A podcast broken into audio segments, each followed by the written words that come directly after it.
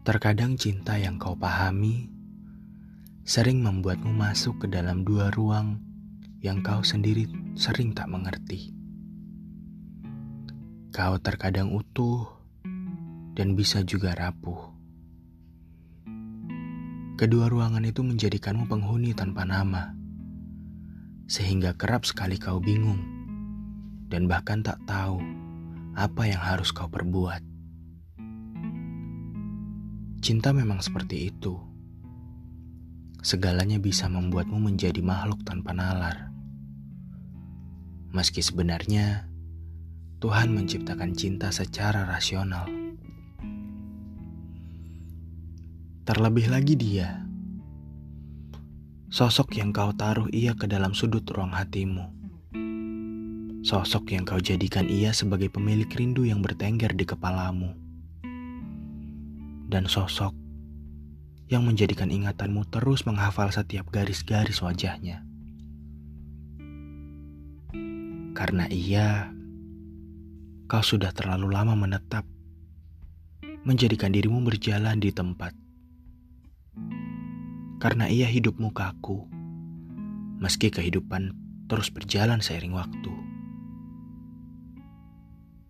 Karena ia, kau rela terjaga membiarkan senyumnya mencuri pulas tidurmu.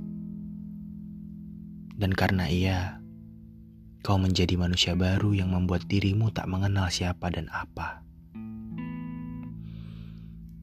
Dia itulah yang kau cinta. Dia yang kau cinta. Kau rela menghabiskan waktu hanya untuk mengingatnya. Meski pada dirinya, kau adalah ingatan yang ingin sekali ia lupakan. Kau begitu senang memujanya, sehingga kau tak sadar jika kau adalah makhluk yang tak pernah ingin ia puja. Kau dengan sering memerhatikannya, hingga kau tak sadar jika kau adalah sorot yang ingin ia singkirkan dari penglihatannya. Dia memang tak pernah mengerti perasaanmu, tetapi kau tetap tabah kendati abainya bertambah. Kau terlalu sering menuliskan tentang ia dalam buku harianmu, sampai-sampai kau lupa jika kau adalah sosok yang tak pernah ia tulis dalam buku hidupnya. Kau terlalu setia memimpikannya dalam nyatamu, hingga tak sadar jika kau adalah nyata yang tak pernah ingin ia impikan. Kau begitu sedia mengenangnya sepanjang waktu, hingga kau lupa jika waktunya telah habis untuk mengenang yang lain. Kau selalu begitu, menjadikannya istimewa, padahal kau sendiri tahu jika kau bukan siapa-siapa. Hingga pada akhirnya kau pasrah pada ujung keputusasaanmu kau lebih memilih tabah, membiarkan segalanya berubah.